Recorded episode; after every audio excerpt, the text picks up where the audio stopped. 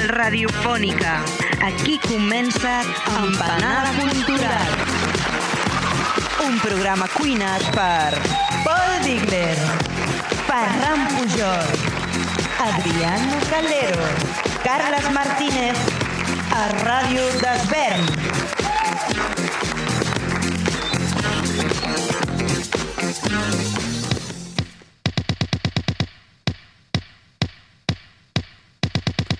Els timbals de la revolució sonen, han sonat sempre i mai deixaran de sonar.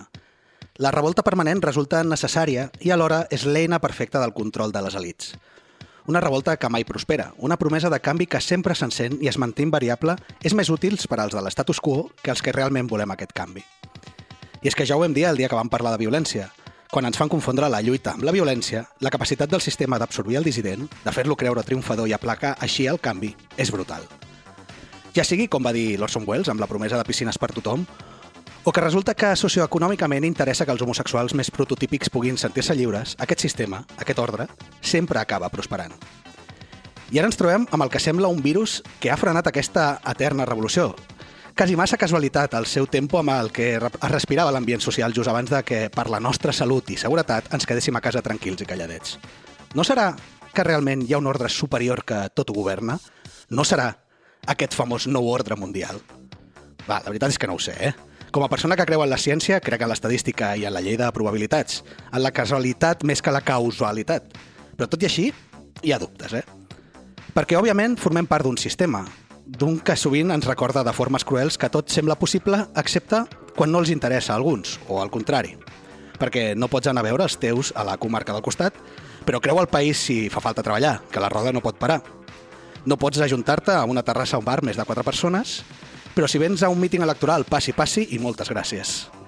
Però simplement, ara mateix eh, sembla evident, fins i tot que se'ls escapa el llenguatge amb expressions com aquesta nova normalitat, no? Però això, senyors, no és d'ara, això ve de lluny. I aquí a Espanya en tenim l'exemples a dojo. No fa falta que us recordi totes les injustícies dels encarcerats per l'anomenat procés català, ni la miriada de casos de corrupció dels partits polítics, o el que té encesos als carrers aquesta setmana a tot el territori, l'empresonament del raper Pablo Hasél. Si alguna cosa demostra que aquest sistema no pot permetre la dissidència real, és empresonar una persona pel que diu i predica quan no encaixa amb el discurs oficial. I com que han de dissimular una mica, han de fer dir a tots els micos de repetició que tenen col·locats els diferents altaveus mediàtics que és que el tema no és el que diu del rei, és que fan altiment del terrorisme. I sobretot que cremar contenidors i trencar mobiliari està malament. Com dèiem, confondre la lluita amb la violència. I per cert, el mateix Hassel ens recorda en el seu vídeo que aquest rei que tant protegeixen els autodenominats defensors de la democràcia no només ens ha estafat a tots, sinó que va tenir aquestes boniques paraules cap al dictador i caudillo. Et pour vous personnellement, que représente le général Franco Pour moi, c'est un exemple vivant, euh, jour à jour, par son dévouement patriotique envers, euh, en service de l'Espagne. Et à part ça, euh, j'ai pour lui une très grande affection et admiration. ¿Cuántos millones y millones han saqueado y derrochado durante tantos años tantos miembros de la familia real? Luego los psicópatas que nos gobiernan dicen que no hay dinero para derechos de primera necesidad, pero tienen los años contados. Se acerca la República Popular. Está la historia de Juan Carlos el Bobón que quieren ocultar. Contar quién Què tal, nois? Muy bien. Y, y- pero dejaría sonar esta canción, ¿eh? Mucho más. Que suene, que suene de fondo. Aquí seria irònic que ens denunciessin per drets d'autor. Eh, seria com una cosa molt que estranya, ho, he- no? Ho he mirat perquè saps que és el que em preocupa a mi al cap i a la fi i teòricament no en té. És com que han decidit, mira, saps Ah, què? Creative Commons. Sí. No, y que se han dado cuenta de que en este vídeo en concreto el rey habla mejor que en el propio castellano, ¿no? Sí. Entonces dice, vamos a dejarlo. y al ¿Qué menos diu- qué parece Adriano? inteligente. ¿Qué diu exactamente? Dice algo así como que, que el general Franco pues es un ejemplo viviente, o sea, está claro con eso que lo dice cuando Franco aún estaba vivo, ¿no? Y lo que viene a contarnos es que él tiene una imagen de respeto y admiración hacia Franco, ¿no? Por, sobre todo por su desempeño patriótico, ¿no? Patriota. al servicio de, de España. I que lo admira. Y- sí, Claro, sí, lo, una puso él, lo puso él, o sea que... De hecho, en el, me encanta el, el- y esto tú también lo valorarás, Ferran, amante de- del diseño, en el, en el propio clip ¿no? de, de Hassel, eh, hay una imagen que es el Franco con una cremallera que se abre y dentro de Franco tienes al rey Juan Carlos y dentro... La, príncipe Felipe. matriosques a Sí, l'espanyola. exacto. Todo de Totalment, matriosca. La matriosca, pero en, en este linaje de dictadores al final, ¿no? que- Porque hablamos de monarquía y parece que la monarquía está en otra liga que, que la que- herencia i- franquista, Clar, però és la però hi ha, misma. hi ha una cosa que, a més, ho, ho podríem vincular amb el programa de la setmana passada quan vam parlar dels nazis i de tot el nazisme, que, que encara com està, és que el problema també no és l'encarcelament no, només d'això, pel tema de cantar i cantar contra la monarquia, ofenses i això, sinó és que la mateixa, el mateix cap de setmana es fes un homenatge a la Divisió Azul, Sí. amb tots els comentaris antisemites, amb tots els comentaris, i que allò es quedés en paper mullat. Bueno, de hecho, que, hay que una sortia chica... aquesta noia, no? La Exacte, noia aquesta dient, cagant-se en el jueu. Hi ha un moment No, que és molt haciendo clar, no? incluso, dir, creo que hace incluso un... Apologia ¿no? total. Apología sí, sí, no, no, total, és el que total. es refereix a ell. I, però sumeu-li això, el que parlàvem dels casos, que va ser el mateix cap de setmana que, que es va anar a detenir a Hassel a Lleida, que la senyora Cifuentes és exculpada Exacte, del tema del seu màster. Eh, però el tio que va falsificar el màster i la directora del centre, sí, perquè com deia un tuit que vaig veure per allà, clar, dos persones molt cabrones decideixen falsificar el màster a una pobra política que no necessitava per res. Ai, és. Però aquí, vaja, aquí deien, llàstima. feien la conya amb el Hassel de ell ha anat a la universitat i l'han detingut i la Cifuentes al revés. El tema, el tema és que què en penseu d'això de la revolució permanent com a cosa que ens estan No, intentant... estaba bien. Yo veía los matices ¿no? de tu reflexión en la editorial sobre la violencia. Pero al final eh, es evidente que es un tema delicado, ¿no? Y no me voy a posicionar aquí como un gran promotor de la violencia, pero sí. Pero sí. no, lo que está claro es que las libertades, las libertades o las luchas por, por una, una mejoría social no se van a conseguir con, con las sonrisas. Así está claro como La ha quedado la, revolución de sonrisas, mira dónde nos llevó, ¿no? Entonces, no es que esté de acuerdo que cada día se quemen containers, bancos, tal, o, o- o sí, no lo sé, tampoco es que me incomode mucho verlo, pero lo que está claro es que, de hecho, lo, lo aprovecharé para mi propia sección, lo aprovecharé Ah, para mi propia fem una cosa, recordem a tothom, bueno, de fet hem dit, no ho hem dit encara exactament, tot i que ha sortit a l'editorial, que avui el programa va de nou ordre. Exacto. Eh, o suposat nou ordre. Si és que està, no lo sabemos, a- no? Avançarem ara al menú del dia, recordem primer les xarxes socials que tenim YouTube, Empanada Cultural, Facebook, Empanada Cultural, Twitter, Empanada Cultura, sense L, Instagram, Empanada Cultural i tots els podcasts a, So- a Spotify. A Spotify, Empanada Cultural. Hostia, te ha traicionado. Ibas a decir SoundCloud, eh, pero És no. que empieza amb Spotify. Spotify. Doncs vinga, nois, avancem al menú del dia. Guardia real que evite que los republicanos juzguemos a Felipe. Menú del dia. I que bé que ha quedat avui això. Sí, no lo hace Carles, mal, ens eh? podies rapejar alguna amb aquesta base, segur, eh? Sí, ja passaré alguna cosa. Però no lo hace mal, de, eh? fet, dia. de, de fet, de fet, comences voleu tu. amb Mili o amb Sisek o amb Doctor Wombo? Sí. Comences tu avui, em sembla així que rapeja la teva, el teu menú. El teu So plat. today, what we, what we, what we got Solo today, sabe niggas? rapear en inglés. Solo sabe rapear en inglés. Globalista. Qu'est-ce que tu fais ici Ah oui, à la révolution Ah, ah putain, du connard Carles, t'ensenyo el temps. T'ensenyo el temps. Eh, eh, Eugène Delacroix, hein? Eh, de l'art de Eugène ¿Y qué vas? Delacroix. ¿Vas de- vas del de la Cruz? Del de la Cruz, Nos traes el de la. Cruz. No, os traigo el super mega de la Cruz. Eugène Delacroix amb aquest gran... L'Eugeni. aquesta gran obra mestra del romanticisme, que és la llibertat guiant el poble. O sigui que ens portes un quadro. Un quadro, però no un Pintura. quadre. Un quadro de, de, de, de, de 3 por 2. O sea, volvemos a la sección pintura. La maldita, ¿no? sí, la ma- la maldita con el- pintura, sí. Con la brocha Perquè y el, no el canviat- no hem rodillo. canviat la Con brocha. Lo que pasa es que no- ya no es una capilla sixtina de Miguel Ángel, sino que es un cuadro Pues pintado al yo, óleo. yo me voy con cine, evidentemente. Oh, eh, no jodas. pero, pero, pero no, no, pero de nuevo vuelve a haber como una especie de vínculo pictórico. Ya nos pasó con La pintora y el ladrón. Sí. Aquí no es que La Nueva Orden, que es la película de la que hablar, una película mexicana del director Michel Franco, Michel, para los amigos. Eh, es un tío bastante conocido y bastante controvertido. Yo he tenido la suerte de llegar a él, a su filmografía, a través de esta película, Nuevo Orden, que se acaba de estrenar. Conecta- pero vale muchísimo con- la pena todo su cine. Conecta perfecto con el tema. Con los tiempos que corren. Hablamos de Nuevo Orden, con New Eh, Order. home, Em pensava que I- tu la pintura perquè, No, porque- que- queden totes les parets pintades de vermella. Sí, también, también. Y de verde. Lo Y recordáis, de ¿no? verde. Rojo y verde. Y de Pero verde. vosotros que habéis visto la película, seguramente recordaréis cómo empieza con un cuadro. Ah. Empieza con la imagen pictórica de un cuadro que tiene un punto casi Guernica. Después lo explico. Un abstracto ahí potente. I després acabarem amb el ximpunt final. Un... Potser, és la... Potser us diré inclús que és l'entrevista més massiva que hem fet i que farem mai en Panada Cultural perquè si havíem de parlar amb alguns experts en el nom, és a dir, el nou ordre mundial, què millor que recuperar els nostres amics del grup de Facebook privat Los tierraplanistas. Plana que us recordo que té 46.000 membres de parla hispana Uah. i hem parlat amb ells, hem fet un post i veurem després les seves O respostes. sea, que te has infiltrado. No, no, no, Paul ha mirado al abismo y el abismo le ha devuelto la mirada. Es un espía. Tenemos a un espía en el programa. Exacte. Són anticopèrnicos, aquests. Exacte. Eh? Si la setmana que ve no vinc, ja sabeu què passa. doncs vinga, avancem. Carles, començaràs tu.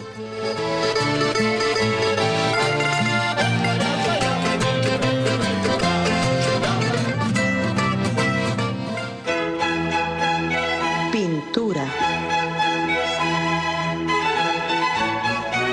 Ja prou. Menos mal, menos mal de... Ya van dos, ¿eh? Ese, ese parada en seco la habíamos tenido. Porque es la parada en seco de hemos llegado al segundo piso, sale del ascensor. Ya, ya puedes salir del ascensor. No, no, pero eh, menos mal de la canción, de la música que la acompaña al, al término pintura, ¿eh? Bueno, vamos al flow, eh? Vamos al flow, chicos queda claro, i xiques. vamos. Eh, parlem d'un quadre, parlem de nou ordre a través d'un quadre i, per tant, parlem d'uns ideals, eh? de projectar aquests ideals cap al futur. Un futur que té a veure amb violència, com ara estàvem veient, a través de Pablo Hasél, de la pel·lícula de la que ens parlarà l'Adri també, i, ojo, que també té a veure amb la feminitat. Per tant, és una obra molt pertinent que reclama relectura, relectura immediata. Aquesta llibertat guiant al poble de Delacroix, un dels grans mestres de l'escola romàntica.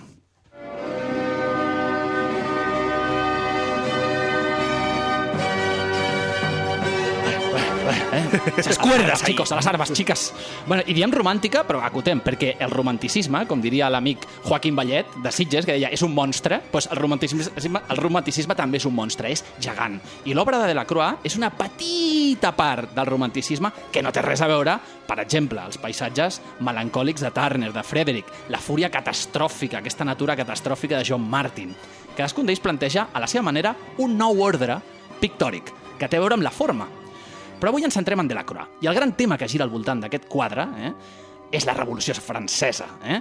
I és important distingir la revolució abans de Napoleó Bonaparte i després de Napoleó Bonaparte. La revolució abans, la del segle XVIII, la de la França del terror, la dels jacobins, de Robespierre i Marat, aquesta guillotina, la presa de la Bastilla que estem escoltant ara mateix, eh, de von Dittersdorf, aquesta etapa clàssica de Viena, que li dona un punt més intel·lectual eh, al concepte de revolució. Clar, no és el mateix no és el mateix parlar d'això que, com dic, de la revolució després de Bonaparte, la del segle XIX. Eh? I aquí ens situem a la llibertat, aquesta llibertat guiant el poble de Jean de la Croix, de, de la Croix que podem veure, eh? podem veure, els, els, els nostres oients i espectadors poden estar veient. Sí, la posarem, la posarem que, en pantalla. I que representa la revolta de 1830, eh? que per cert es va pintar, aquest quadre és del mateix any que aquesta revolta. Digues, Pol. No, que anava a dir, eh, això de pre i post Napoleó podríem dir que és com el Puigdemont ara, no? O sigui, com, com, com era el procés abans i com ha guiat el poble després. És, és, també, és- també és Però la, Napoleón...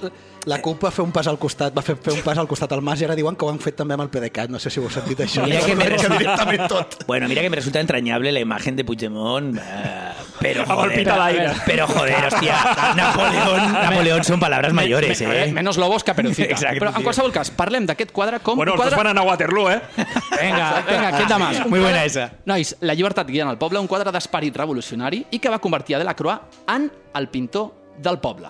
Sí? Anem a canviar, Anem a eh, la canviar. música una mica. ¿Y por qué 1830, no? ¿Y por qué? ¿Y por qué? Por aquí. 1830. Por aquí. ¿Se refiere a otro tipo de revolución? ¿Estamos hablando Claro, de es la decir, misma? hay varias. Es- Vale, estamos, es- Como digo, no estamos hablando de las que hubo antes de, de Napoleón, sino después, ¿vale? Pero ya entraremos en esto, Adri, a través del análisis que vamos a hacer de, de ese quadre. Eh? Eh, anem escoltant preses a la Bastilla, eh? Aniran sonant, eh? Ha sonat una de Dieter, ara sona una de Debò, de Jean-Baptiste Debò, que, com dic, és... Doncs aquest, anem a fer versions de, Vale. de la revolució a través de la música, no? I situem-nos, situem-nos en aquest quadre que reflecteix l'exaltació patriòtica a través de la violència, com dèiem. Un altre títol més punky del quadre és La barricada, eh? i el que està clar és que combina dos registres importants. El primer és el reportatge. Es plasma la crònica dels fets, la revolució vista de prop, aquest fum, aquesta ciutat al fons on podeu veure Notre Dame també fumejant, eh? morts amuntegats a terra, eh, deia de la Croix, no m'agrada la pintura raonable, defensar una pintura en estat d'ebullició, eh? una cosa que sacsegés. I el segon registre d'aquest quadre és el registre alegòric, líric, la defensa d'uns ideals que venen donats per aquest element central del quadre, que és la dona, aquesta Marianne, es, diu Marianne, aquesta dona que, que ocupa la línia central del quadre com una piràmide, eh? compositivament és com una piràmide, la mateix tipus, el mateix tipus de composició piramidal d'un altre quadre mític del romanticisme, que és aquesta balsa de la medusa de El rei de la Medusa. Podria comentar una cosa, que dius Digues. que és una mena de reportatge, però clar, en seguida has anat que t'has anat al registre alegòric. Home, és romanticisme, per tant, realisme, realisme tampoc seria. De fet, el, el romanticisme adopta un, un terme que és lo sublim, vale? que és la representació d'un fet, d'un acte o d'una situació en el seu moment més àlgid mm. i que et fa oblidar precisament el, és, és com viure el moment de la forma més intensa, és lo sublim. Sí, però no? ja- Que és com observar un, un cel estrellat en el seu màxim esplendor, o un barco cremant, Per o una exemple. revolució tenint, tenint el moment àlgid. Clar, aquest quadre és el moment àlgid Totalment. de forma més alegòrica. Bueno, yo la Però- sensación que tengo en este caso, ¿no, Carla? Si no te ver, preocupes. dime, que dime, sigues, dime. Que sigues. Dime, no dime. te preocupes, que sigues. Dale, dale, dale. es el tema de que sí, parte de una idea de documental, de documentar una realidad, ¿no? Y a partir de ahí se lo lleva más al mundo alegórico. Es decir, Sí, però, hay, hay un pie. però ojo que és tengo la sensación de tener. Sí, obvio, obvio. romanticisme, per tant, també s'està romantitzant Sí. sí. al revolucionari. en Exactament, aquest però he de tenir en compte una cosa, nois. No és aquesta feminitat Venus clàssica del Renaixement, eh? aquestes Venus despullades, no. Aquesta Marianne que veiem al quadre és una Marianne musculada, que aixeca la bandera francesa, que, aprofito per comentar l'anècdota, la bandera tricolor de França són els colors roig i blau de París i el color reial, el blanc i que guia cap a la victòria al poble, eh? aquesta gent dels suburbis i de la burgesia. Però, com dic, no és aquesta Venus clàssica i del Renaixement, perquè és una dona que va bruta. És una dona que va amb els pits descoberts, símbol de fertilitat, eh? aquest nen amb les pistoles que apareix al costat, podria anar en aquesta línia, que per cert va inspirar Victor Hugo per aquest, el petit gabroix dels miserables. I fixem-nos també que aquesta dona va amb la roba romangada, caminant sobre els cadàvers, està idealitzant la revolució, sí, però veiem una dona, veiem una dona de carrer, amb el mosquetó a la mà. Eh? Llavors, en aquest sentit, dic que Delacroix és important tenir en compte que està representant un ideal de la revolució, però també aquesta llibertat, aquesta revolució, implica una violència que, ojo, im- Delacroix ens està dient morir pels ideals, no? Ens està dient ben clar. Però eh, ell no va viure això, no ho va viure en primera persona, ho va viure des d'una posició acomodada. Al final és el que ens està donant a entendre d'això. Eh? I aquí és on ve aquesta visió idealitzada mm. que diem, en qualsevol cas, una pinzellada, com podeu veure, molt vigorosa, destaca per l'ús del vermell. Parlàvem ara un moment eh, tot el tema del, del vermell que recuperarem amb, amb la pel·lícula de l'Adri i Albert, eh? però en aquest cas el vermell, doneu-vos compte de la força que té. Eh? I és un vermell que, no us ho perdeu, inspirarà en el futur els impressionistes, a Renoir i Seurat, i també a Picasso, eh? que algun dia ja portarem a l'empanada. No ho dubto. Eh? Llavors, què Ja va passa? deixant les falques. Al, al... Aquell següent que és el Guernica, no? Ja. Sí, venga, topiquillos del padrón. ¿Qué, ¿Pero qué pasa amb el context de l'obra? Tu me preguntabas, Adri, Revolució 1830. Pues és la de les tres glorioses. 27, 28 i 29 de julio. En aquella època regnava Carlos X, eh? Carlos... Carlos, Carlos X X. de França, que era un hijo de puta. Era un tío, un monarca absolut, ¿vale? Anècdota. El pornófilo. tío- sí, sí, sí. O sea, el tío, perquè el dia que l'Església va consagrar aquest tío, li van dir, toca a los tuberculosos, la a la gent amb tuberculosi, perquè potser se salva. O sigui, hi havia una visió divina del monarca, superanquilosada, i a més aquest tio la va liar moltíssim perquè en qüestió de dies es va carregar la cambra dels diputats. Va excloure la burgesia del dret a vot i va suspendre la llibertat de premsa. Que tu imagina't el poble francès, el 1830, obre el diari Moniteur de París i s'adona que tot això acaba de passar. Pues clar, diu, pues, agafem les armes, sortim al carrer i muntem barricades com la del quadre d'Eugène Delacroix. Eh? I això és, provoca una revolta molt sanguinària, revolució és sang, és verter sangre, com, com decía Sadri, però també fa que el rei, el molt cabron, pilla les maletes i se'n va cap a Anglaterra, eh? que això també ens sona bastant. ens sona bastant, sí, és molt de rei, això. I arriba Lluís Felip I, que és l'últim rei francès, per cert, que canvia la monarquia absoluta a monarquia popular, i llavors, per què és important ara, concretament com a anècdota, eh, parlar de Lluís Felip I? Doncs perquè va ser qui va comprar el quadre, aquesta llibertat guiant al poble, al Saló de París quan es va Això és- eh, mostrar. Que irònic, Això, eh? això és el que deia de, de la revolució permanent a, apoyada por las élites, porque es como, eh, que yo estoy con vosotros, eh, que ya está todo bien. I ja per acabar, eh? quina música trobaríem a faltar en aquesta secció si parlem de revolució?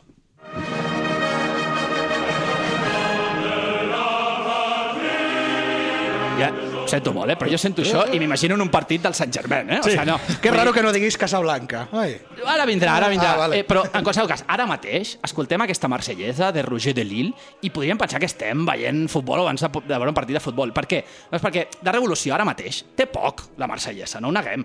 I aquest és el problema dels himnes, que es queden obsolets. La marsellesa va tenir el seu gran moment, i aquí sí que podem anar a la Casa Blanca de Michael Curtiz, eh? aquest fer pinya contra l'exèrcit nazi. Com a símbol, sí. Clar, podem parlar de la marsellesa de Jean Renoir. Jean Renoir li va dedicar una pel·li sencera a l'himne, o al moment de la gran il·lusió, que està una mica en sintonia amb la Casa Blanca del Curtis. Però ara mateix la revolució tindria un himne molt diferent. Eh? Llavors, ja per acabar, eh? una mica per, per, per anar tancant eh, tota aquesta secció d'art sobre aquesta llibertat guiant el poble de la Croix. Donem-li una mica la volta a la truita perquè penso jo que és important rescatar un fragment d'una pel·lícula que d'alguna manera juga a dues bandes. En primer lloc, reflecteix una nostàlgia de la revolució Clar, això és molt important. Penseu que ens trobem en un moment, ho comentàvem amb el quadre de, eh, de la Capilla Sixtina Miguel Ángel, aquest moment de desmitificar obres del passat en què tot es relativitza, tot es mamifica a través de la xarxa de la broma. Estem vivint aquest moment. Pues, clar, en un quadre sobre la, sobre la revolució pues, també hi ha moltes versions, que si de Playmobil, que si d'Astèrix i Obélix, que si de Star Wars. M'agrada el concepte mamificar, Sí, eh? claro, yo estoy viendo el cuadro magnífica. además a todo esto, ¿eh? Entonces estoy viendo las mamas. Estás viendo, ¿eh? Entonces, Pero no, pero es no, de- de meme, de- de de- meme. Ah, mamas, hay, Memes. hay una idea también de, de sensualizar la De revolución. hecho, no has hablado de las miradas que se cruzan. Me interesa muchísimo del cuadro la idea de miradas, sobre todo enfrentadas a la mirada del propio espectador. ¿no? Evidentemente, las miradas perdidas de los cuerpos ya muertos. Pero después, cómo algunos de esos cuerpos captan la atención de algunos de los que se están apuntando a esa revolución, Sí. pero muchos otros a quien miran es eh, eh, evidentemente a la libertad o a Exacto. esta señora que guía hacia Que la los está impulsando. Pero hay una idea también de- de como de que la propia mujer, esa Sí. mujer que como tú me bien has descrito representa al pueblo Sí. y a la feminidad que és la, también y a la fertilidad, la a la vez És la mare pàtria. a la vez es la libertad. La propia libertad es en sí misma ella, ¿no? Exactamente. Exactamente. Y la tampoc- libertad de la madre patria, como tú bien has dicho, porque está evidentemente con su brazo has derecho comentat, sosteniendo la bandera. Exacte, Tampoc, esa bandera tampoc has francesa. comentat perquè Revolucionària. No has, no has volgut anar per aquí a l'anàlisi, però tampoc has comentat, que, que em consta que ho saps, quins són els personatges, no? Perquè tens l'home del barret que representa el, el, el treballador, tens el nen, el nen al costat amb el timbal i les mosques. Has vist, Carles, Sí, que estem fent com si, fos, com si és un estiguessis presentant la tesi i No, no. nosaltres fóssim els profes de...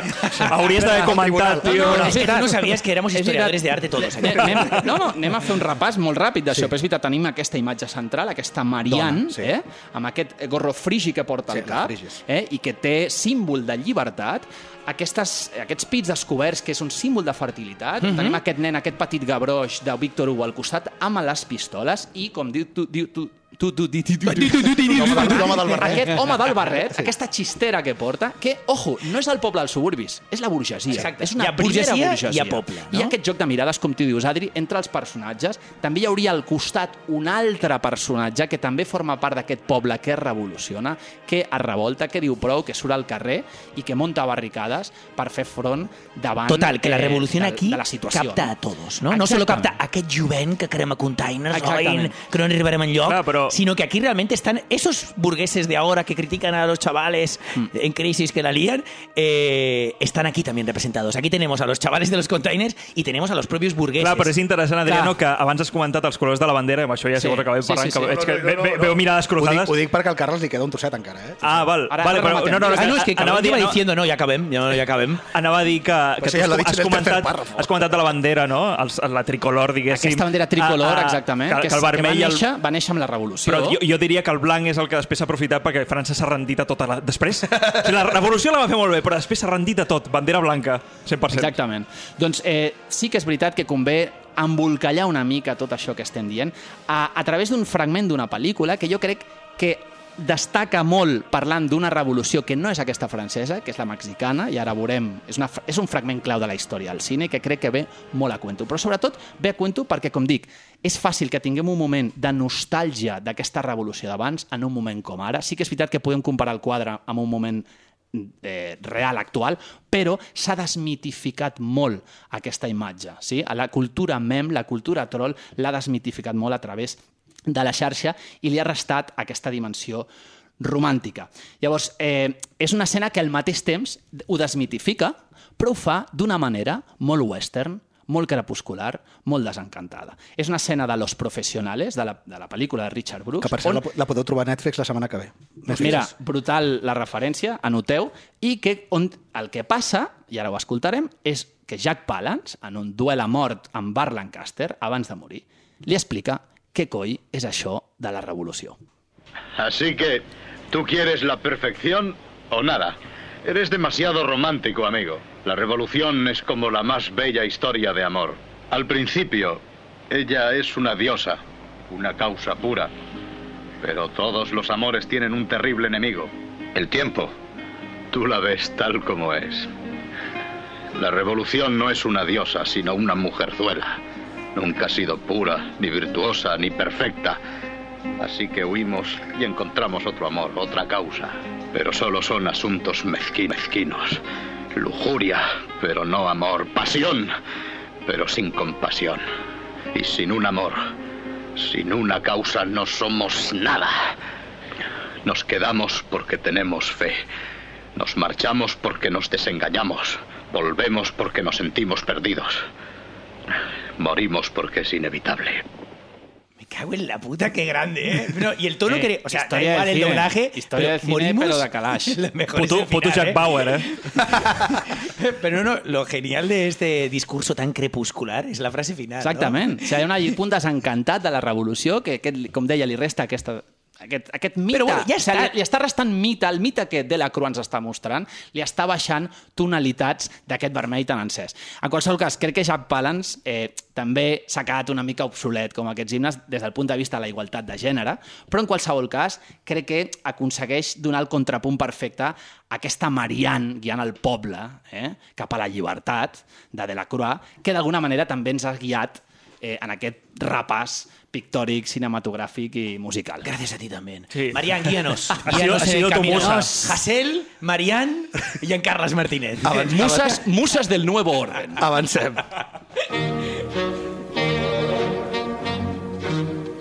Cinema.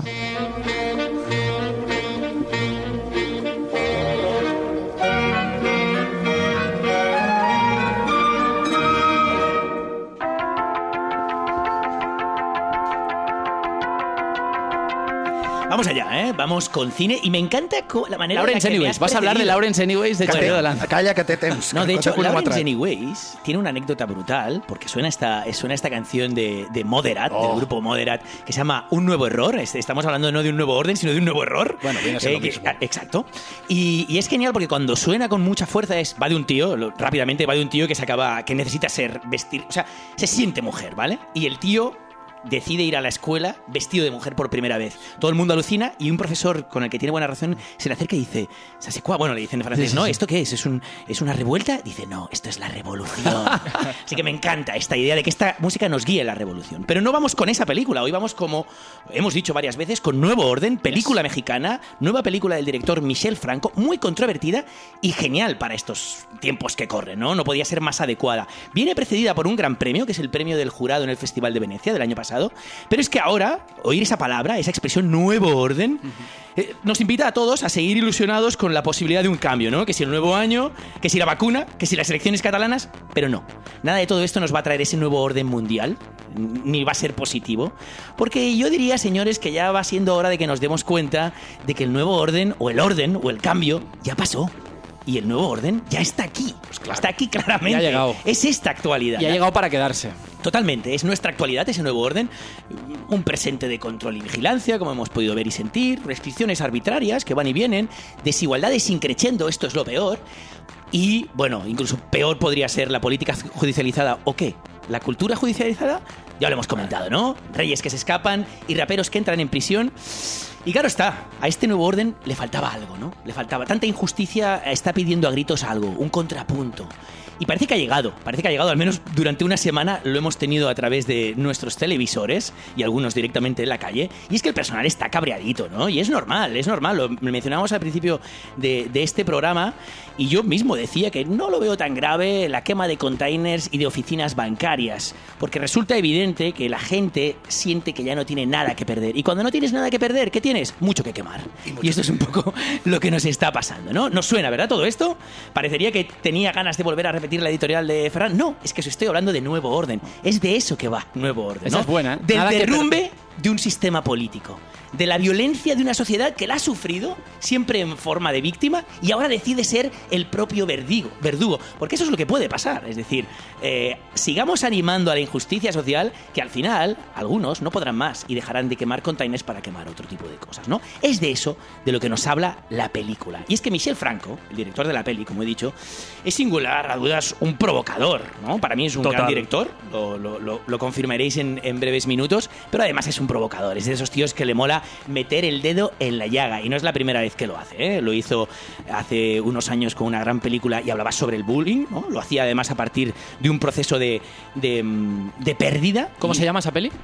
Después de Lucía, un película, ¿no? Se llevó en su, en su día premio en Cannes, ahora se ha llevado premio en Venecia, es un tío bastante premiado en festivales. Se puede ver en Filmin esa que dices. Esa también la podéis ver en Filmen junto a la de Las hijas de Abril. Eh, que creo que esta la has visto tú, ¿no, Paul? Sí, és la típica que van als Goya, als Gaudí, crec, amb la... Amb la... Claro, porque tenía Emma Suárez, Emma Suárez. y eso hacía que ese cine mexicano estuviera más cercano para todos nosotros.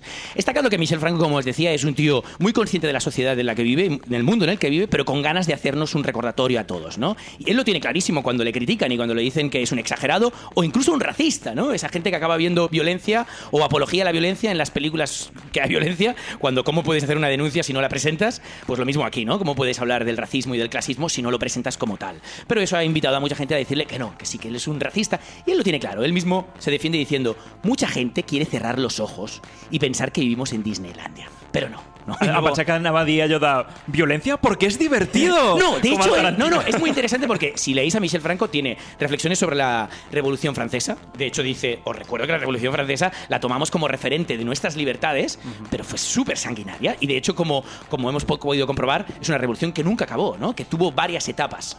Y, y, por ejemplo, tiene eh, una reflexión también sobre, sobre Tarantino. Dice, mi violencia no es una violencia que pretende ser divertida. Y por lo tanto, mi actitud hacia la violencia creo que es mucho más responsable que la de Tarantino. Que Bueno, puedes... és incòmoda la seva, eh? Em em dóna la sensació que hi ha moments perquè, d'incòmode. perquè té una, una intencionalitat que de Tarantino entens que és una ficció, entens que és una gracieta, mentre que aquí dius, hòstia, per què els hauria d'afectar més? És més reaccionària potser la de Tarantino que no la seva. Exacto. Eh, Si es una violencia que te incomoda, es porque la violencia debe incomodar. Aquí estamos bien, estamos por el camino correcto. Cuando la violencia nos ha de divertir, hostia, ahí hay una cuestión para reflexionar, pero no es, no es el, el pastel que abriremos hoy, ¿no?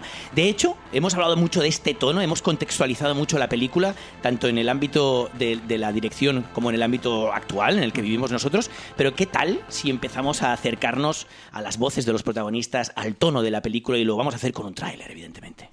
Un brindis por los novios. Dales unos shots a los novios, por favor. Todos un brindis. Por bajen las manos. Desde ataques masivos hasta el reciente colapso de las vías de comunicación.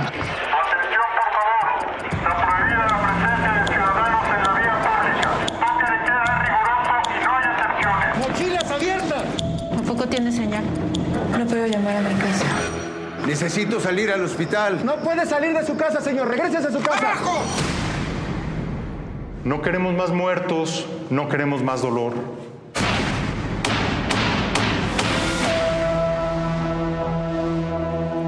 A, a veure, jo no sé si parlaré amb la, o sigui, en boca de la gent que escolta el tràiler també, però, Vinga, però que és...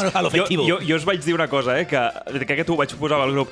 Jo hauria agraït subtítols en moltes parts del... No, es que es una película. comentario, señor Mayor, No, no, no. ¿eh? No, no, estoy- de hecho, una de las reflexiones que tenía después de escuchar el tráiler es, bueno, eh, complicado, ¿verdad?, de entender, pero mejor que, para muchos será mejor que los trailers en inglés que solemos traer, ¿no? Esperem. Pero quizás no, quizás no, pero no os preocupéis, ya os lo aterrizo, ya os aterrizo, sí que es cierto que estamos ante un tráiler que entre la parte, ¿no?, de- de- del acento, más lo caótico de, la de música, los puntos sí. de vista que él siempre presenta. Michel Franco no aborda películas con un único punto de vista y aquí ni mucho menos. Sí es cierto que tenemos a unos ¿no? a una protagonista muy clara, ¿no? que es la persona que se casa.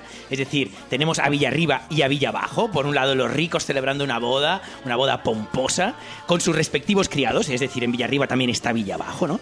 Mientras en las calles está el Villabajo real, ¿no? Están las protestas que cada vez son más violentas y que provocan que los hospitales estén saturados. Y en este caso no por la pandemia, evidentemente, sino por la sangre que se está vertiendo entre militares y manifestantes. Llama la atención que las, esas protestas no se acaban de ver. Están como en un No, fuera lo de campo interesante, muy inquietante. No, y lo interesante es que ni siquiera se explica el motivo por el cual se están protestando. Esa es, también es una de las magias de, de- de la es película, ¿no?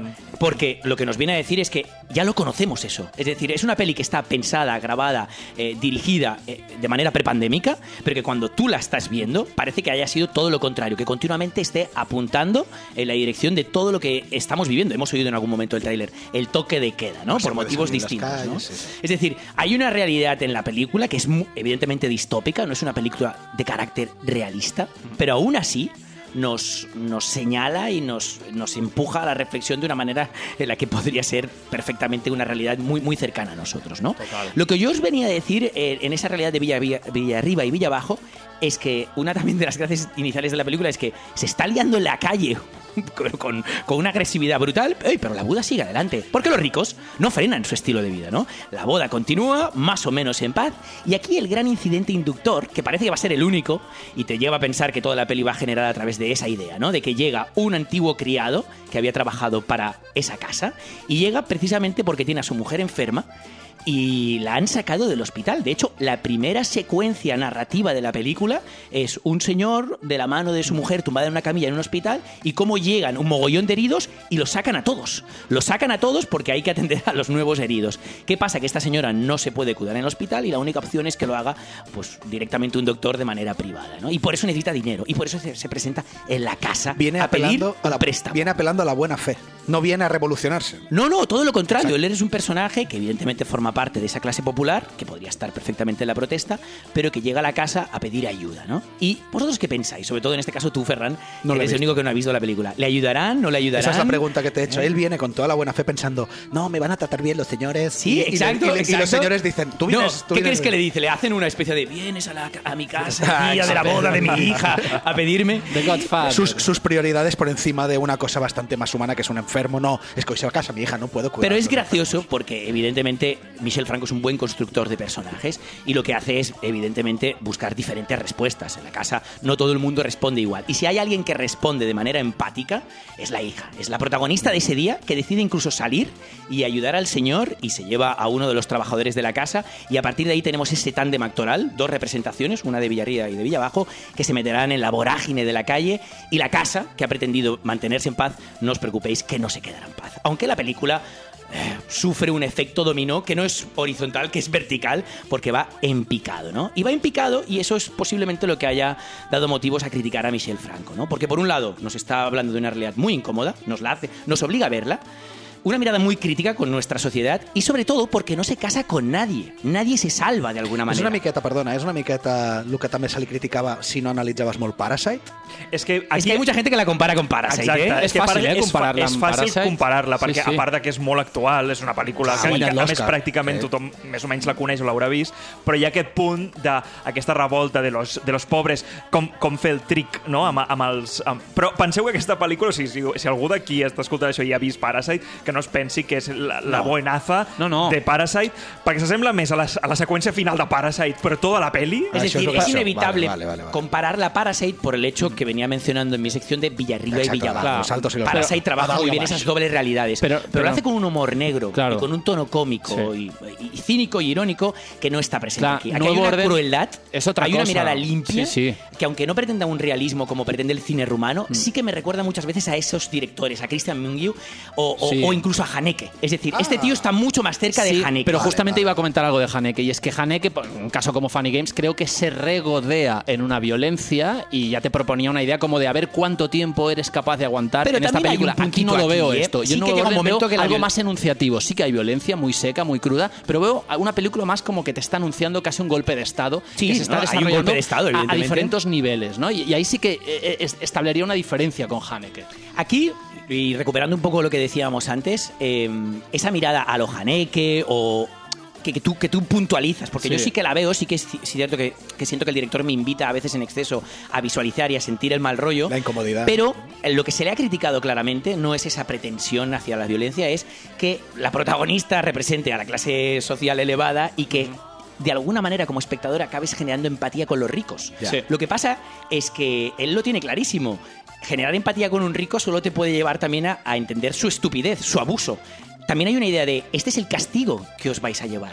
Porque en el victimismo de los ricos que se intenta plantear o que, ha, podido ser leído por el espectador, eh, los desenlaces hablan por sí mismos, ¿no? Si hubieran desenlaces, no me quiero anticipar, pero el desenlace en, en el fondo acaba de matizar esa actitud de Michel Franco. Y si no lo puede hacer la película, que yo creo que lo hace, porque no he visto racismo por ningún lugar, que lo haga el propio Michel Franco, por favor.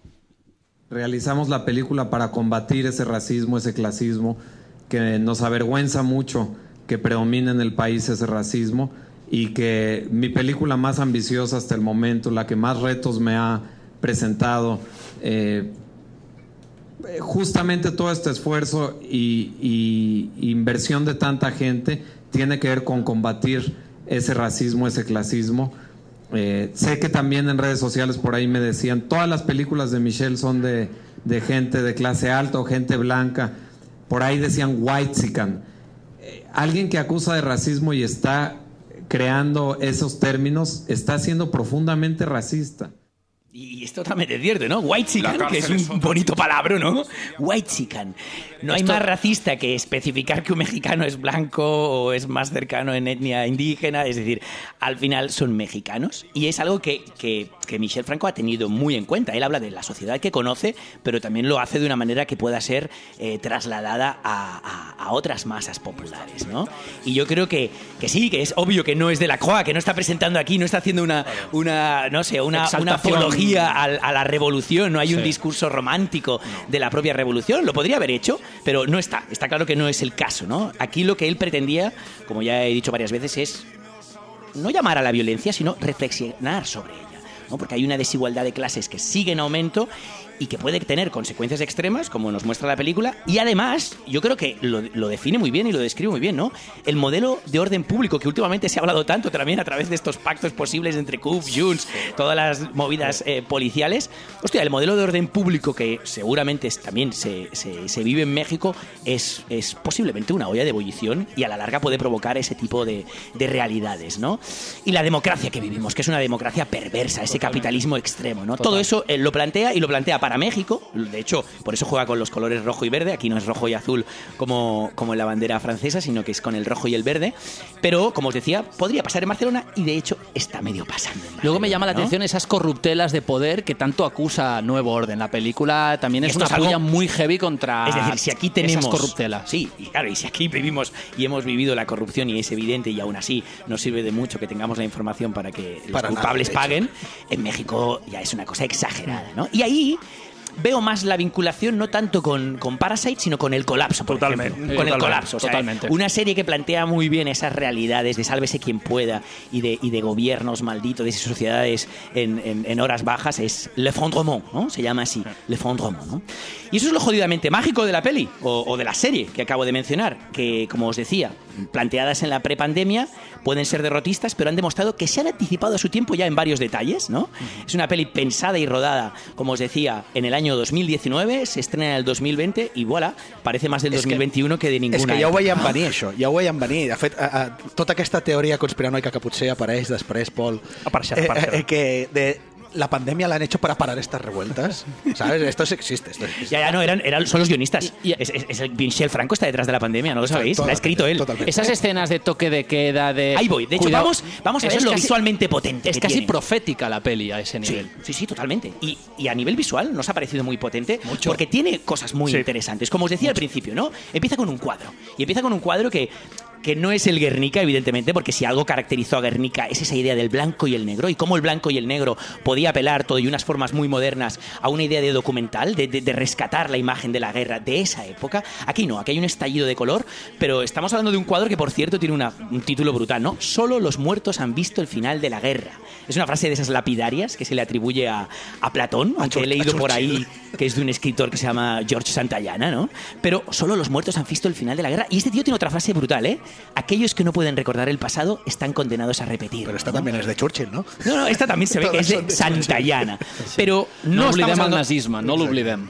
Aprovechan una de estas ideas, de estas frases lapidarias, para titular un cuadro. ¿Quién? ¿Quién lo hace? Pues un pintor mexicano mm, relativamente conocido. Y Omar Graham se llama, por cierto. Y es un tío que debe ser colega de, de nuestro director Michel Franco porque consigue que la película empiece con ese cuadro y de alguna manera es una declaración de intenciones. Ese estallido cromático, ese caos, esas mezclas, lo veremos enseguida con un plano que es un traveling sobre cuerpos, ¿no? Sobre los cadáveres tumbados. Son planos que, que se nos escapan de la memoria porque la película no empieza de manera narrativa, ¿no? Empieza con un montaje muy caótico ¿eh? que, que apela ya a una idea de una mujer protagonista, porque la vemos en varias facetas emocionales, pero de repente pues vivimos la guerra, la soledad, la tristeza y esos cuerpos, ¿no? Que de alguna manera están relacionados con el propio cuadro. Por cierto, ese cuadro lo volveremos a ver en la Casa Rica, ¿eh? En medio de la boda está ahí ubicado de alguna manera quitado de contexto y como, como Claro, espectáculo. sí, como exacto, como los ricos siempre se, apro- se apropian Oh, del arte, ¿no? qué interesante eso. Y en el fondo lo que nos está hablando ese cuadro es la guerra está aquí, porque solo los muertos pueden hablar de la guerra, ¿no? O han visto el final de la guerra. Hay una declaración de intenciones en ese montaje, en ese cuadro, en los mismos títulos de créditos que van del revés, ¿no? Pequeñas tonterías que nos hablan de un nuevo orden que no es tal. Pero, pero a mí algo que me interesa muchísimo es cómo trabaja el verde en forma de pintura casi, casi de Holly, ¿no? Es decir, los continuamente ¿qué hacen los, los manifestados? Patapam. Tirar Tira. pintura verde, tirar pintura verde. Podría ser muy evidente si lo hicieran con la roja, que apela a la sangre, que también está, porque hay mucha sangre. Pero ¿de qué nos habla esa pintura verde? Por un lado, de uno de los colores de la bandera mexicana. Por otro lado, del ecologismo, de un tipo de lucha que posiblemente nunca ha llegado a un nivel de violencia como el que nos presenta la película, pero que existe. Y es de las mujeres. El color que suelen llevar las mujeres es el morado, pero cantidad de veces las hemos visto también con pañoletas verdes, porque nos hablan de la fertilidad y de la sexualidad. Es decir, hay muchas maneras de abordar esa fertilidad, ya sea con los pechos desnudos de, De Marianne, ¿eh? de Marianne Marianne, de la Croix. o sea, con los pañuelos verdes, ¿no? Y entonces, es de alguna manera lo que Michel Franco intentaba ahí es casar todas esas revoluciones, esas protestas muy justificadas y verlas representadas en la película en forma de conflicto. Es como la ¿no? madre de todas las revoluciones, un poco como el intento de Sí, unificar Sí, todas. y por eso no hace falta ni explicarla. Exacto, Podría ser Le vale. Gilets jaunes, podría ser. Ahora, no parece que haya tomado un cáliz eh, violento, pero hostia, en Birmania es necesaria, es necesaria una Sí, sí, protesta porque hay un golpe de Estado militar. Y si el color es importante en la película, y con esto acabo, el sonido. Hostia, el sonido. De Sí. hecho, muchas de las cosas se nos explican de manera elíptica, en fuera de campo. Em vaig espantar en algun moment, eh? Jo en algun moment vaig saltar, eh? No sé si tu, Carles, que vaig anar al cine, però jo a casa, jo hi ha un moment que no m'esperava i, vaig fer un... És que ho passes Hòstia, malament. O sigui, realment és inquietant per això, per aquesta cosa que no se't mostra, que està en un fora de camp que ve donat per aquest disseny de so que és espectacular i que, i que t'inquieta moltíssim. O sigui, és un thriller político de primera. o Sí, sea, y cómo juega con los planos, ¿no? Esos primeros planos estáticos mostrándote la crudeza de la vida y la violencia y de repente nos vamos al caos y al movimiento a través de una cámara y un plano larguísimo y una cámara en mano que se mueve, ¿no? Sabe jugar mucho con cómo enfrentar al espectador a sus imágenes. Si algo le puedo criticar a Michel eh, o, ¿no? o a su película, en A este ver. caso, es que construye muy bien los personajes para abandonarlos, ¿no? En, en un primer momento tiene muy claro, y, y si veis sus otras películas se ve que es un, un tío muy, ¿no? Como muy preocupado de la dirección de actores también, de hecho siempre menciona a Cassavet, un gran refer- un referen- ¿no? referencial de, de este tema, pero en este caso él lo que hace es los construye muy bien, estamos con ellos, empatizamos con todas las posibles realidades, posiblemente algo más con, con la propia protagonista, la, la que se va a casar, y después nos abandona y los hace solo víctimas de su propia realidad, que es esta realidad distópica, Totalmente, y entonces todo es una sucesión de escenas y de secuencias donde los personajes ya están anulados, de alguna manera ya están muertos. Mm. Puede que haya una intención clara, pero sí que es cierto que como espectador sientes un abandono, ¿no? Sientes un Totalmente. abandono y ya solo un escenario distópico, caótico y absurdo. Total. Violentamente absurdo. Doncs aquesta pel·lícula està als cinemes, no, ara mateix? Acaban de estrenar eh, y creo que va, que va a durar unas cuantas semanas en pel cine que porque está dando mucho que hablar. Doncs pel que expliques val bastant la pena, així que convidem a tothom a anar-la a veure. Por favor. Doncs avancem cap a la secció del Pol. Vinga, anem-hi. Me haces pagar un precio muy caro, pero también lo pagarás dando volumen. Internet.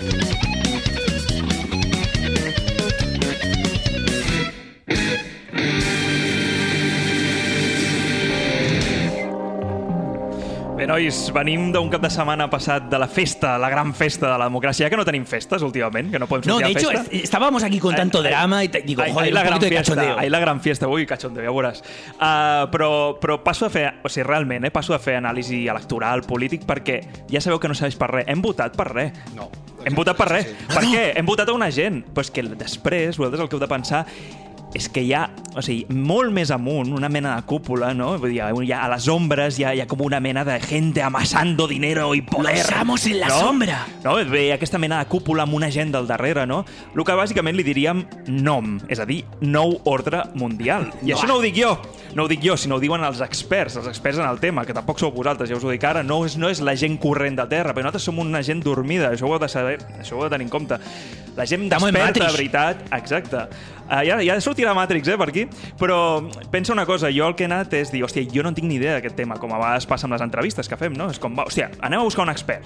Pues en aquest cas hem anat a buscar una, un expert, concretament un 46.000 experts uh, de parla hispana, concretament del grup de, privat de, de Tierra Plana, que són els nostres amics que hem portat aquí més d'un cop, Ui. uh, sense que ells ho sàpiguen, òbviament. Eres Samantha Villar ahora, ¿no? Yo soy- Y un día es con los tierraplanistas. Uau, espero que no. Però, bueno, com ja sabeu, doncs jo estic posat en un grup d'aquests secrets, jo soy com el, el, el infiltrado del grupo, no? I, i, I el que vaig fer és dir, hòstia, vinga, va, anem a preguntar-los una mica de què és això que sempre parlen, d'aquest nom, no? d'aquest nou ordre mundial, i més per un programa com el que hem fet avui de Nou Ordre. I, i vaig fer un text uh, molt acadèmic, perquè inclús jo deia doncs, que havia, estava acabant la carrera de Ciències Polítiques, que havia de fer una tesi. No és mentida, perquè jo vaig deixar la carrera, vull dir, no és mentida. L'està retomando, l'està retomando. Vull dir, en algun moment podria arribar a fer la tesi, i els hi vaig dir, escolteu, expliqueu-me exactament què és tot això, què, quines són les agendes realment, o sigui, què penseu sobre aquest nou ordre mundial, no? I llavors, clar, la resposta, jo el que vaig flipar és que, és que de fet, Ferran, tu confirmaràs, això havia de ser una editorial. Jo Sí. havia de fer l'editorial avui, però, però és que, clar, que, eh, tota la gent que va arribar a comentar, vaig dir, això s'ha de fer una secció. Ah. I llavors vaig dir, ja llavors que vaig dir, vaig dir tots les, tots els comentaris que, que ja veureu que, que són de, per emmarcar, vaig dir, això em recorda molt a una, a una secció que per mi és el millor que hi ha hagut a la radiofonia catalana, inclús diré espanyola, a rac fa anys, de la mà del nostre gran amic, bueno, amic, no ho sé, uh, Jair Domínguez, que era Què passa, Forocoches? I en aquest cas hem volgut fer un humil homenatge a... De, no? Carles, ajuda'm una mica. Vamos allá. ¿Qué pasa, tierra plana? Ei, ei. Bueno, amb aquest Daft Punk i Around the World, que crec que eh, eh, amb el tema terraplanista agafa molt bé una cançó com aquesta. ¿Cómo pasa el weather, no, peña? Nois, uh, vam tenir moltíssimes respostes. Crec que vam tenir com més de 120. Déu-n'hi-do. Us aviso ara, m'han borrat ja el post. Jo crec que els, els administradors del grup han dit le hemos liado mucho. Oye, pero esto". habías dicho que 46.000 seguidores los necesitamos para empanada, ¿eh? Sí, sí, Hay que hacer las aquí. paces con ellos. Bueno, òbviament vam parlar de, de, de política, de nou ordre. Un comentari, un dels primers, de fet, eh, eh, va deixar molt clar, i aquí és zero broma, sinó és un de les, dels pensaments que tenen, que és Está en marcha el programa o plan de la Agenda 2030 manejados por las élites globalista quieren el desplome total de la economía mundial para acabar con la clase media. O sea, tenemos nueve años. Sí, en serio. Vale, Bueno, nos quedan nueve poc a años, poc, ¿no? poc a poc. un incís, ¿eh? La novela Diario de un skin sería el Paul, pero Diario de un terraplana Jo no infiltrado no en los No terraplanistas. sé leer! No, quan estic... La, la gràcia és que això ho posarem en pantalla, jo Sí, crec, sí, ho perquè posem en no hi ha pantalla. ni una coma ni un punt. A- Això és veritat. Vale? Jo intentaré ser superfidel fidel als comentaris que llegiré, tal qual extrets del, del, del post que vaig más fer a dice? Facebook. Què más dice? Llavors, Pol? llavors, què passa? Ells continuen, ja entren més a dins i diuen el globalismo es dictadura mundial esclavizante. Ah, o sea, esto descubre que més, seguimos en Latinoamérica, després ja ¿eh? Entren en aquest Seguimos tema... en Latinoamérica, sí, ¿no? després ja entren en aquest tema que és, com ja sabeu, a internet, si poseu les majúscules, vol dir que esteu interioritzant molt més el discurs. Llavors, en majúscules, desgraciadamente la mayoría de los países le lamen las b Estados Unidos. Por eso se cree EU siempre. Mayoría mell, eh? Però Clar. puc, puc llegir jo el següent sí, sí, comentari? però és que de cop un deixen anar una cosa que m'encanta com en plan no orden. I és Oh, no, esta es la Amazon. mejor. Però un maçon. Clar, Claro, claro. A Mason. Ah, Amazon, un maçon. Amazon. Sí, M'encanta. no, a Amazing. Amazing. Esto es lo que... Aquest, aquest, a mi em va a mi els collons. Jo vaig dir, aquest home, aquest home que l'hem de contractar No, perquè és un ja, analista. eh? Sí, aquest sí. és un analista. Un profeta. Llavors, no només vam parlar de política, bueno, vam, van Bueno, parlar esto, de política. hasta el momento, esto era previsible. Es decir, he Sí, escuchado a sí, mucha sí, gente sí, de mi sí. entorno decir Però clar, òbviament estem en una època de, de pandèmia. Estem en una època de pandèmia Claro, i la ¿dónde nos lleva la pandèmia, vulguis o no, afecta en aquest ordre mundial, no? I un altre que també ha aprofitat les majúscules com a peso, no? I diu, todo esto está organizado por el nuevo, nuevo orden mundial para reducir la población. Esto no es de ahora, es de siempre. Quieren imponernos como sea una sola idea, entre paréntesis, una sola moneda, religión, política, economía. Nos quieren manipular y controlar con un chip. Que el chip ja ha salido, ha salido el gordo. claro, Sempre hi ha el chip, sempre hi ha el chip al mig. Llavors un altre comença. Está muy claro que es puro terrorismo psico psicológico. Psicológico. psicológico. Y es que no tienen tiempo de estudiar gramática. es que tío. Tanta informació en la cabeza que la tienen que soltar. Li ha agafat un ictus, eh, quan ha escrit això Sí, sí, a mi intentant llegir això. Un altre diu, basta ya de meternos miedo con el tema del COVID. Están queriendo llegar al poder, al nuevo orden mundial a través del miedo que nos está metiendo los medios de comunicación, cómplices de los poderes para destruir las economías del mundo. El barbijo no es la solución, lo dicen grandes científicos. Es hora que acaben con tantas mentiras. Muy bueno tu comentario, Nacho, como siempre. Això és la resposta. Això està lligat amb papollismo, Sí, sí, sí, sí, sí. jo, jo diria, si Copèrnico levantara la cabeza, pobre del, però també si Cervantes, eh, perquè estan Ah, no, la aquí RAE. un- Aquests s'estan cargant el nou ordre mundial i la RAE. Sí, sí. No, no, no perdonen. Però el millor de tots és un que resumeix allò, ras i curt, que diu ja, ja, ja, esto es el principio de la exterminación de la humanidad. sigui, a la pandèmia estem, a, a, o sigui, està claríssim que, que Oye, tenen a ver si se voy a ser tierraplanista. Porque Coincides, coincides. Oye, Ojo, esta eh? gente no piensa tan... Mira, no sé què dir-te, perquè molts cops les seves teories passen pel filtre de la religió. I aquí no sé si entres tu. Per exemple, No, un, no, ens, ahí no, un, ahí no un me ens coges. Guerra entre el bien y el mal, la obscuridad, obscuridad, és que em costa llegir inclús. Guerra entre el bien y el mal, la obscuridad versus la luz divina espiritual. Ojo, que aquí està mig retallat, però podeu veure que té 24 likes, eh? Vull dir, aquest comentari, ojo, que, que hi ha gent que aquí li dona... Llavors li contesten, los extraterrestres son los ángeles y los demonios que mencionan los libros apócrifos y la Biblia. No duden! Evangelion! Clar, tio, Ah, Evangelion. Llavors hi ha un clàssic, hi ha un clàssic de clàssics en aquest grup que és la NASA és un instrumento de la élite. De fet, ells li diuen la farsa. Com els del Madrid al Barça, farsa.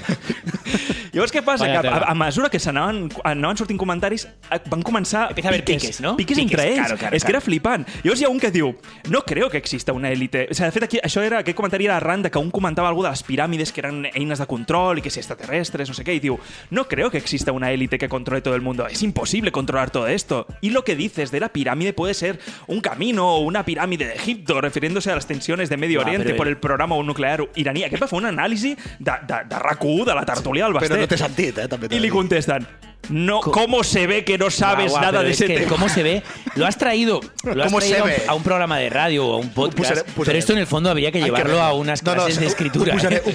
¿Cómo Es se es ve? terrible, ¿eh? ¿Cómo se ve? Lo- a ver, lo que está claro- lo malo de todo esto es que siempre hay una base de realidad. Es decir, e, en el tierraplanismo o el anticopérnico o lo que tú quieras, hay una base de realidad. Es decir, que hay, hay un control y un orden impuesto. No es tan. eh, O sea, es decir, ese discurso no es tan diferente del que hemos comentado a través de Nuevo Orden, por ejemplo. El problema es que de eso hacen ya una ciencia. ¿sabes? Acaban Sí. haciendo una ciencia con personajes, con ciertos sí, sí, matices sí, sí, sí. y le dan una dimensión que acaban haciendo la contra tan mainstream como el propio. ¿No? Que es lo que suele Totalment, acabar total- pasando. ¿no? I luego que totalment. això són les, les febres aquestes de la conspiració. Cada dècada quasi podria tenir una, ¿no? La de eh, Kennedy cuando se lo cargaron, no, porque realmente fue el gobierno que lo disparó. Després, Pues mira, Vietnam, otra. en realitat, Eh, eh, el primer hombre llega a la luna, otra. O sea, cada dècada té la seva Pues conspiració. aquesta dècada ens han fet Quina una tenim? revelació exclusiva. O sea, una persona ens va fer un comentari sobre Espanya. Aviam, I ens va a dir, ver. Satánicos, todo por poder y gloria, así venden su alma al diablo. Hace poco, un general español se afilió a las hordas masonas. I clar, vam dir, hòstia, aquí una exclusiva. A lo que li contesten, señora, no hable solo por hablar, eh, infórmese sobre el tema. I un altre li diu, señora, por favor, infórmese. Sí, hi, ha un, hi ha un punt d'autocensura. No, no, hay un no? punto de yo sé más que tú porque tú eres un engañado, ¿no? Como todos son bobos engañados, y todos lo somos un poco en parte, eh, Exacto, exacto. al final es fácil decir, no, tú eres más bobo que yo, no, tú más, no, tú más. Yo eh, ya sé que vamos muy cortitos de tiempo, pero es que leí algo que me, me parece muy adecuado, ¿no? Y lo leí precisamente a través de la película Nuevo Orden, y es en la crítica de Sergi Sánchez, que ya sabemos aquí, al menos entre Carras y yo, es uno de los, de los críticos más interesantes en su punto de vista. Es bastante crítico con la película, pero es que lo dejaba muy claro y lo hacía a partir de Foucault, ¿no? O sea, de, de hecho, habla de Michel Franco y de Michel Foucault.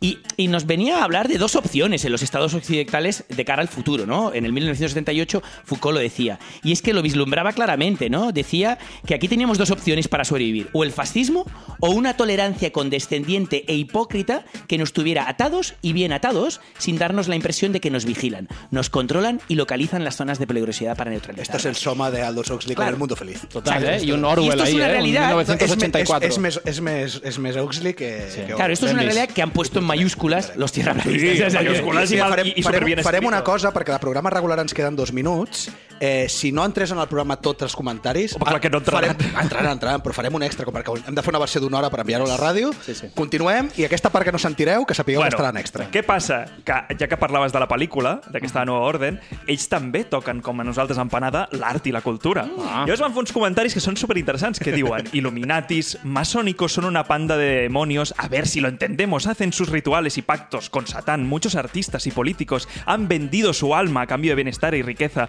pero lo que no sabemos... Bueno, i, i segueixen. Llavors hi ha la idea aquesta de vendre el alma al diablo. Però Sí. és que li contesten. Aviam. Li contesten, lógico, y también puedes leer entre líneas, entre paréntesis, parásito ganador al Oscar. Uh! Ah, o sigui, mira, eh, ja surten els temes que hem dit avui. Tan, tan. También la Todo película conectado. de Marvel Venom. El protagonista en la película, la parte que está en su apartamento, tiene una remera con pirámide y ojo. Otra película de Ra Rhapsody Bohemian, que no Ra- Bohemian Rhapsody, es una otra, ¿eh? És la versió pirata. De Queen, La de turca. Queen. Al principio de la película la hay, reinona. hay un utilero que lleva un parlante para acomodarlo en el escenario, viene en primer plano, muestra en su mano cuadro, lleva el parlante, se puede visualizar claramente un anillo masónico. Revisa esos datos.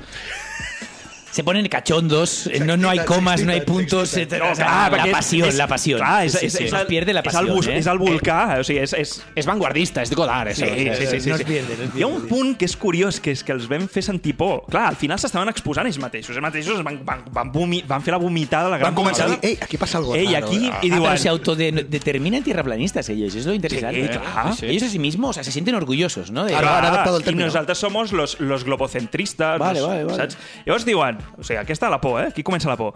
Ay, amigos, saludos. Todos sus comentarios son válidos. Sin embargo, el orden mundial está basado específicamente en ese control automatizado de tu propia vida. Esta opinión está siendo verificada en este mismo momento que yo doy un clic para publicarla como la ven, así que ojo con lo que publiquen. Però tu, Estamos siendo observados, Ta, ta, una persona, una persona ràpidament va entrar i va dir, chato, y va a decir, somos libres al pensar si es o no verdad, pero analizando todo lo que está paseando, concuerda. To- Tomen... Tomen sus precauciones, no es para alarmar, es sobrevivir. La élite existe, hemos estado dormidos por más 100 años.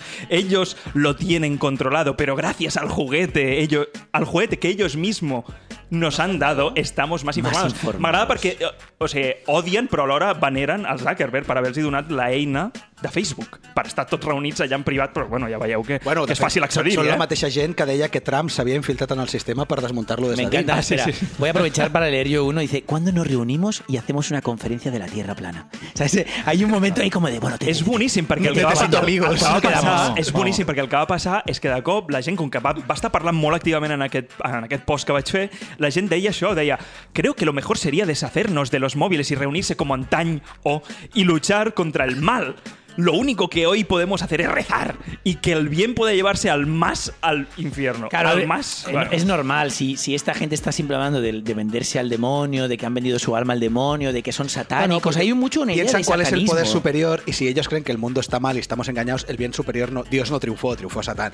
Según sus mierdas. ¿eh? O sea, a mí no me I és cuentes. interessant Mola perquè, massa, com- no, no, com- te cuento, te cuento. perquè completaré el comentari que has llegit tu, Adriano, que és cuando nos reunimos y hacemos una conferencia a Tierra Plana. I ojo aquest perquè es, es preocupa pel seu país i diu, por nosotros, el despertar y el turismo, ya que algo de dinero tiene que haber para que nos tomen en serio. Ah, o sea, vale. Sí, es como, Pero vamos ¿cómo a hacer llega? una convención Pero no se puede dar la vuelta, que venga aquí todo que- el mundo. Vamos a hacer el, el Coachella versión terraplanista. Yo quiero ver los mapas, los mapas de estos tíos Oh, tienen en el ámbito no, no, turístico. No, no, pues que no, no, en el tienen- ámbito tienen turístico. modelos, tío, que tienen modelos ¿Cómo hechos. sería una vuelta al mundo en No, el no, ámbito no, Además al mundo, mira, una vuelta justamente dijeron un crucero, en el cas del, crec que era la versió americana dels terraplanistas, y había, vamos a hacer un crucero around the globe. es que es como... Bueno, una, una de no les, que una de les pel·lícules una de les pel·lícules que, entre cometes, veneren és Merlin, la- l'animació de Disney. Per què? Perquè es veu.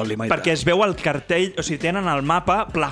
O sigui, el mapa que tu veus que és el, el símbol seu de terraplanisme. Eh, Òbviament, uh, Matrix, el show de Truman, són aquestes pel·lícules que diuen nos están hablando nosotros. Nos- Alguien, alguien nos quiere decir Sí, algo, ¿no? però nois, per acabar, aquí és on va sortir aquesta veu de l'experiència, aquesta veu sàvia i sobretot aquesta veu de la vergonya aliena que va dir, i aquesta sí, que va ser mexicana, que dice, por huevadas así, a nosotros los terraplanistas nos ven como unos huevones subnormales, y en mayúscula. Si van a debatir el tema, publiquen cosas interesantes y con datos relevantes, no esas A este boludeces. tiene que traerlo al programa. Órale, órale, yo, cabrón. así como hemos añadido una sección muy arty que me gusta, que me encanta, eh, yo creo que a futuro también tendríamos que añadir el tierraplanista de la semana. Cinco minutitos Home, jo crec de que una, noticia. què passa a El Plana. marcial, el marcial del mes. Sí, por favor, por Sí, favor. o, o galería de conspiranoicos, el Quanan ese de los cuernos No, del no, porque este también. tío, estoy convencido que ha leído toda esta vergüenza Y ha dicho, me, léxica me acabo de dar cuenta dicho, de que me equivoco. Necesito otros amigos. Ha fet un anacnoris del, del grup. Sí, sí, bestial. Bueno, nois, com ja veieu, doncs els nostres amics no poden estar equivocats i ni el nom, és a dir, el nou ordre mundial, ni la RAE podrà amb No, així RAE- que, RAE no. com sempre, els més desperts i nosaltres, bueno, los borregos que seguim creient en el sistema. Doncs nois, a seguir seguint en el, en el que sigui que s'hagi de creure.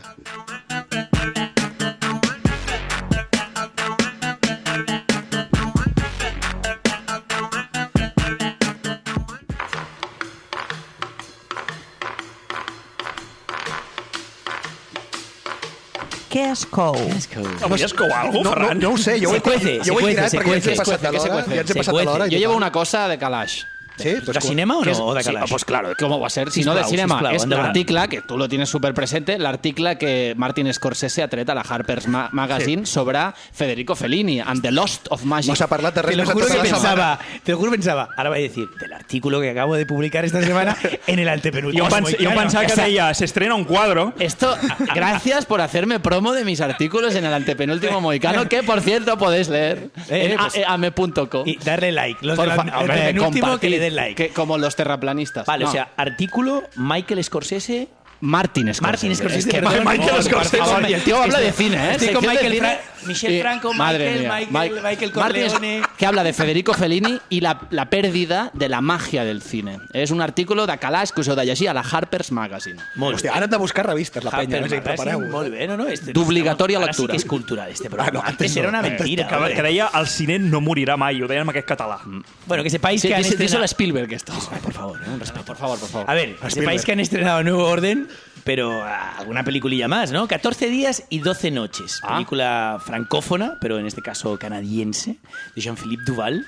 Muy interesante. Y, y alguna cosilla más hay por ahí, ¿no, señores? Ah, si Bueno, comencem... i els Goya, i els Goya, exacte, nois. El 27 és els Goya, Oi, oi, oi. Però si comencem amb aquesta gent de l'AXA, perquè total ja Siempre, passat de l'hora... siempre, no- no- siempre. no queremos- Coño, esta música que te que, invita que jo a correr. Que jo després he de fer una versió d'una hora d'això. Pero tot esto això, te invita eh? a correr, esta musiquita de fondo. Eh, bueno, depèn. Que vienen los gremios Que, polla. Adri, tens, tens dos minuts per trobar què dir, perquè després tenim que surt de videojocs, has apuntat Sí, aquí, Pol? Sí, hi ha un joc que és Hellpoint... Bé, ja ens està censurant la secció, la subsecció de video, videojoc. A ver, a ver, Ya ¿cómo hacemos esto? Entre nosotras, Filippo Meneghetti, entre nosotras, un romance interesantísimo de dos señoras de edad avanzada, dos mujeres jubiladas. Sí, sí, sí, sí, sí. Eh, muy, muy aplaudida esta película. ¿De- ¿Qué pasa? ¿Que las señoras de 70 años no tienen derecho Pero a enamorarse? el final del ¿De dónde, barril, es- Adriano, a ver, producción- ¿qué hay ¿De dónde viene esta producción? Producción francesa. Mira, y el domingo en Antena 3 hacen... Sí, claro. Yo ahí estoy contigo, eh, Adri. O sea, no, no. No hay derecho. Bueno, nois, nois, i ara parlant ja de coses Es fa més broma de serioses. tot en aquesta Videojocs. El divendres 26 surt per fi Hellpoint, que no en teniu ni idea de quin joc és, però Pues és, no. un, és un, un tipus de joc estil difícil, com els que portem aquí. total, És, és, un, da- és un Dark Souls en, en l'espacio. Ah, vale. I surt en format físic ja per PlayStation 4. És a dir, que és un joc que ja existia en format digital. Sí, pero bueno, al final digo mu- mucha revuela y... Fíjate, bueno, Adriano, cómo estamos, que, ni, ¿eh? que ni yo sé qué juego es este. Mucho revuela, Per què eh? veas, Ui, eh? ui, ui. Doncs, nois, arribem a aquest final d'aquest programa... Atropellat. Atropellat no, a veure, al cap i a la fi és, el nou ordre ens ha posat, ens ha desordenat una miqueta a nosaltres, encara ens hi hem d'acostumar, però oi que volíem sortir amb una cançoneta, ja que estem també reivindicatius Sí, sí, aquesta sí. setmana? No, que me he dado cuenta que este tío no lo hace mal, ¿eh? Como rapero. Es A mi no m'acaba de... Bueno, A mi no m'acaba de... Però, bueno, és, No està mal. Que consti que no és tan per ell, que, òbviament, sinó pel fet de que Bueno, de hecho, me significa- da, me da la sensación que es la puta excusa de todo Ah, Dios. Sí. exacte, La peña ah, es que, exacte. bueno, a ver, empezó con Hassel, pero joder, es que estamos en crisis, ¿no? Y no encontramos curro y tal. I el tema és que sí que és veritat que s'ha d'estar molt vigilant amb el tema de llibertat d'expressió, cosa que tu has parlat diverses vegades al programa. Tu, òbviament, nosaltres aquí no ens tallem mai i sempre diem el que pensem estigui bé o malament, que normalment està malament. Però vaja, eh, alguna ¿O cosa no? més a dir? ¿O no? Alguna cosa més a dir, nois? Todo el pescado vendido. Doncs ens escoltem la setmana que ve i després em posaré jo a fer una versió d'una hora d'aquest programa. D'acord? Vinga, nois. Besito. ¿Cuántos millones y millones han saqueado y derrochado durante tantos años tantos miembros de la familia real? Luego los psicópatas que nos gobiernan dicen que no hay dinero para derechos de primera necesidad, pero tienen los años contados. Se acerca la República Popular. Está la historia de Juan Carlos el Bobón que quieren ocultar. Contar quién es y qué hace es delito. Apuntaba maneras cuando mató a su hermano Alfonsito. ¿Quién se cree que fue un accidente? Ni Maruenda imaginando a Rajoy desnudo cuando miente. Torrente es un santo al lado de Juanca. Ya denunciaron que a Sofía maltrata. ¿Qué legitimidad tiene el heredero de Franco? Que en juergas y puta nuestra pasta está tirando. Se ríe de su impunidad en un char en Suiza. Imagínalo borracho diciendo. El